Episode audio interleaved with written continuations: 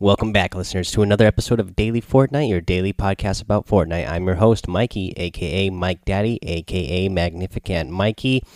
Um, hey, it's October 1st. October is officially here. I can't wait to see what Fortnite is going to do for their big Halloween event. Obviously, the tornado is moving around.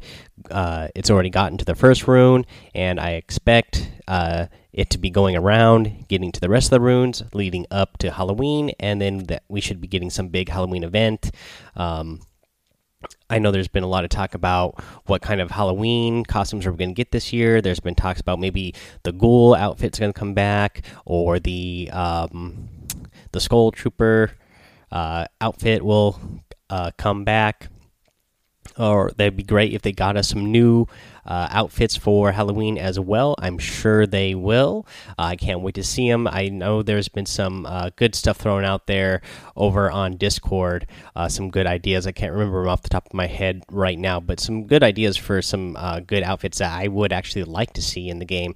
Uh, so head over to Discord and check those out and throw some of your ideas in there as well.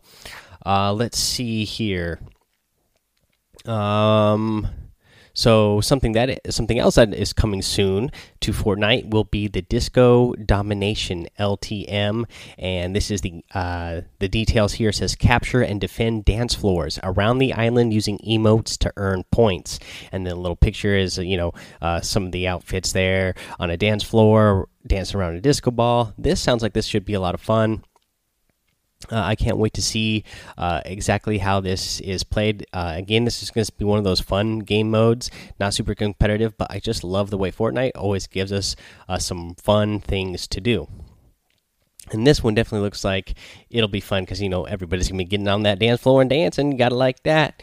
Um, let's see here. What else we're gonna go over today? Let's uh, let's go over the rest of the challenge list um, for this week's challenge.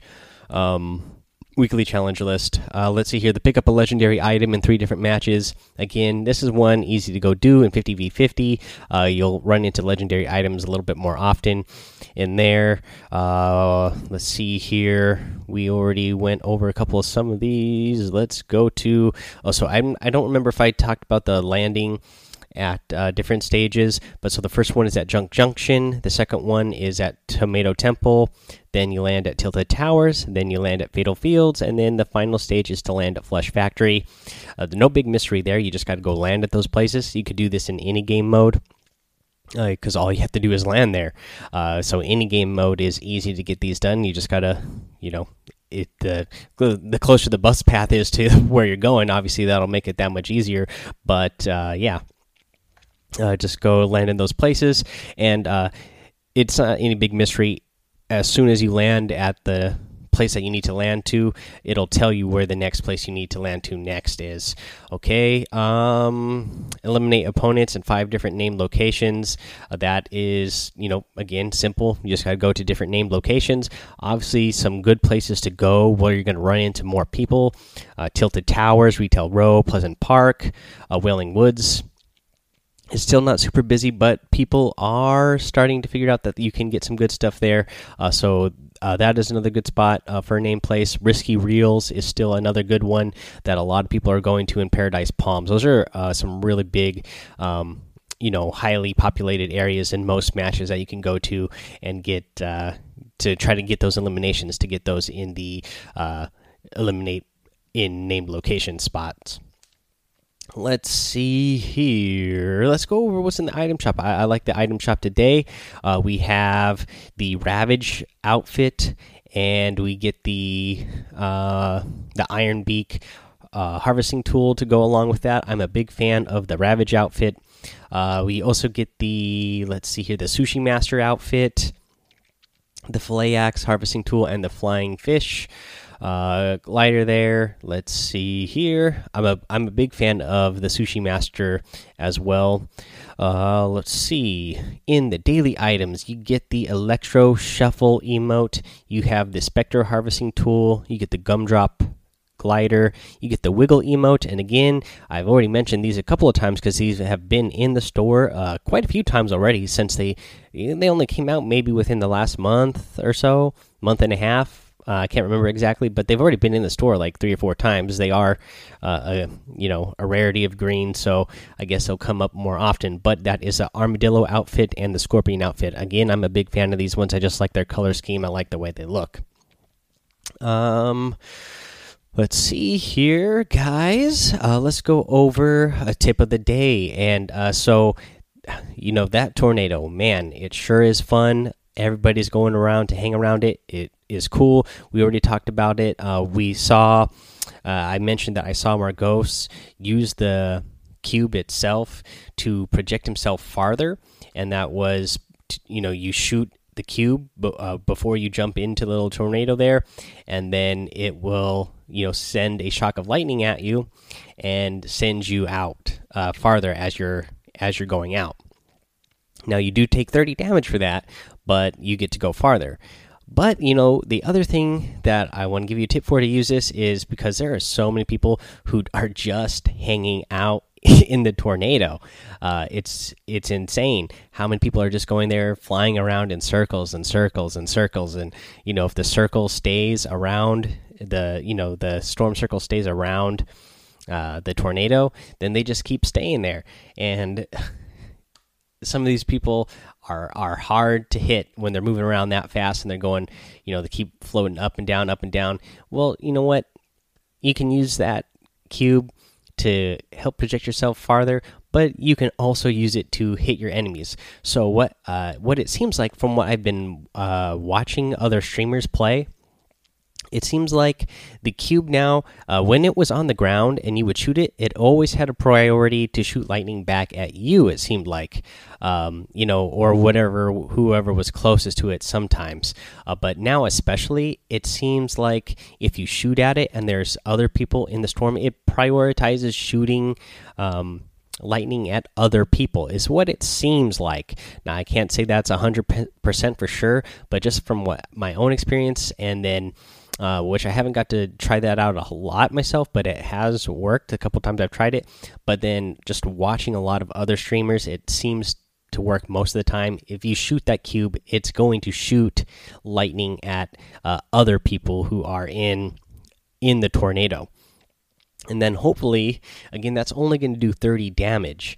Uh, so you'd have to do it at least four times before it killed that person if they only had 100 health uh, before you know you would eliminate them. But the uh, thing is is hopefully it's going to at least uh, scare them enough to get out of that uh, get out of the tornado storm so that you have a better chance of hitting them so they don't keep flying around and getting in and out of it and ducking your shots all over the place.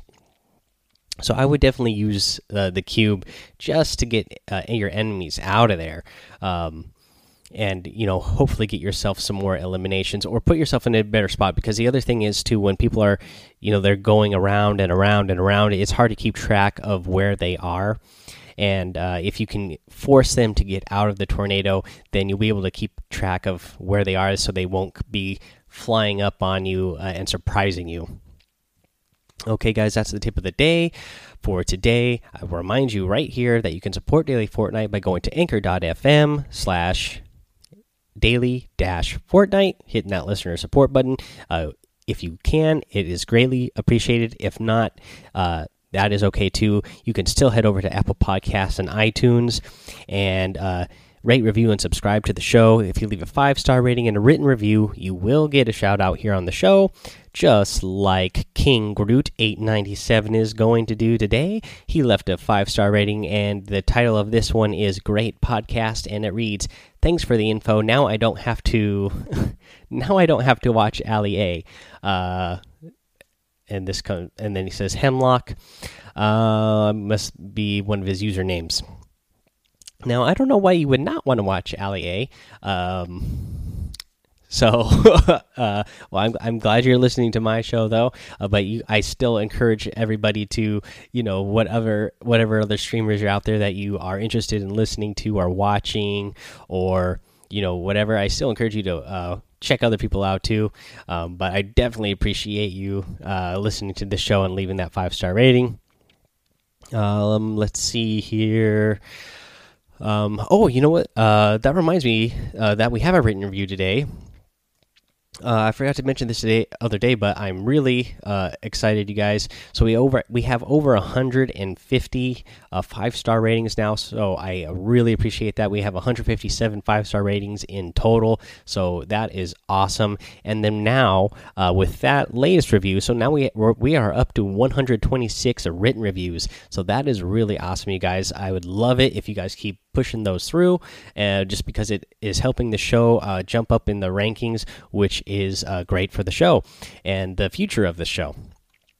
So uh, the other things you can do, of course, is I mentioned it earlier in the podcast is go join the Discord. Uh, come hang out with us. Let's talk about what's going to happen in the Halloween event. Let's talk about what's happening with the tornado right now and the runes. And uh, oh, something else that was mentioned.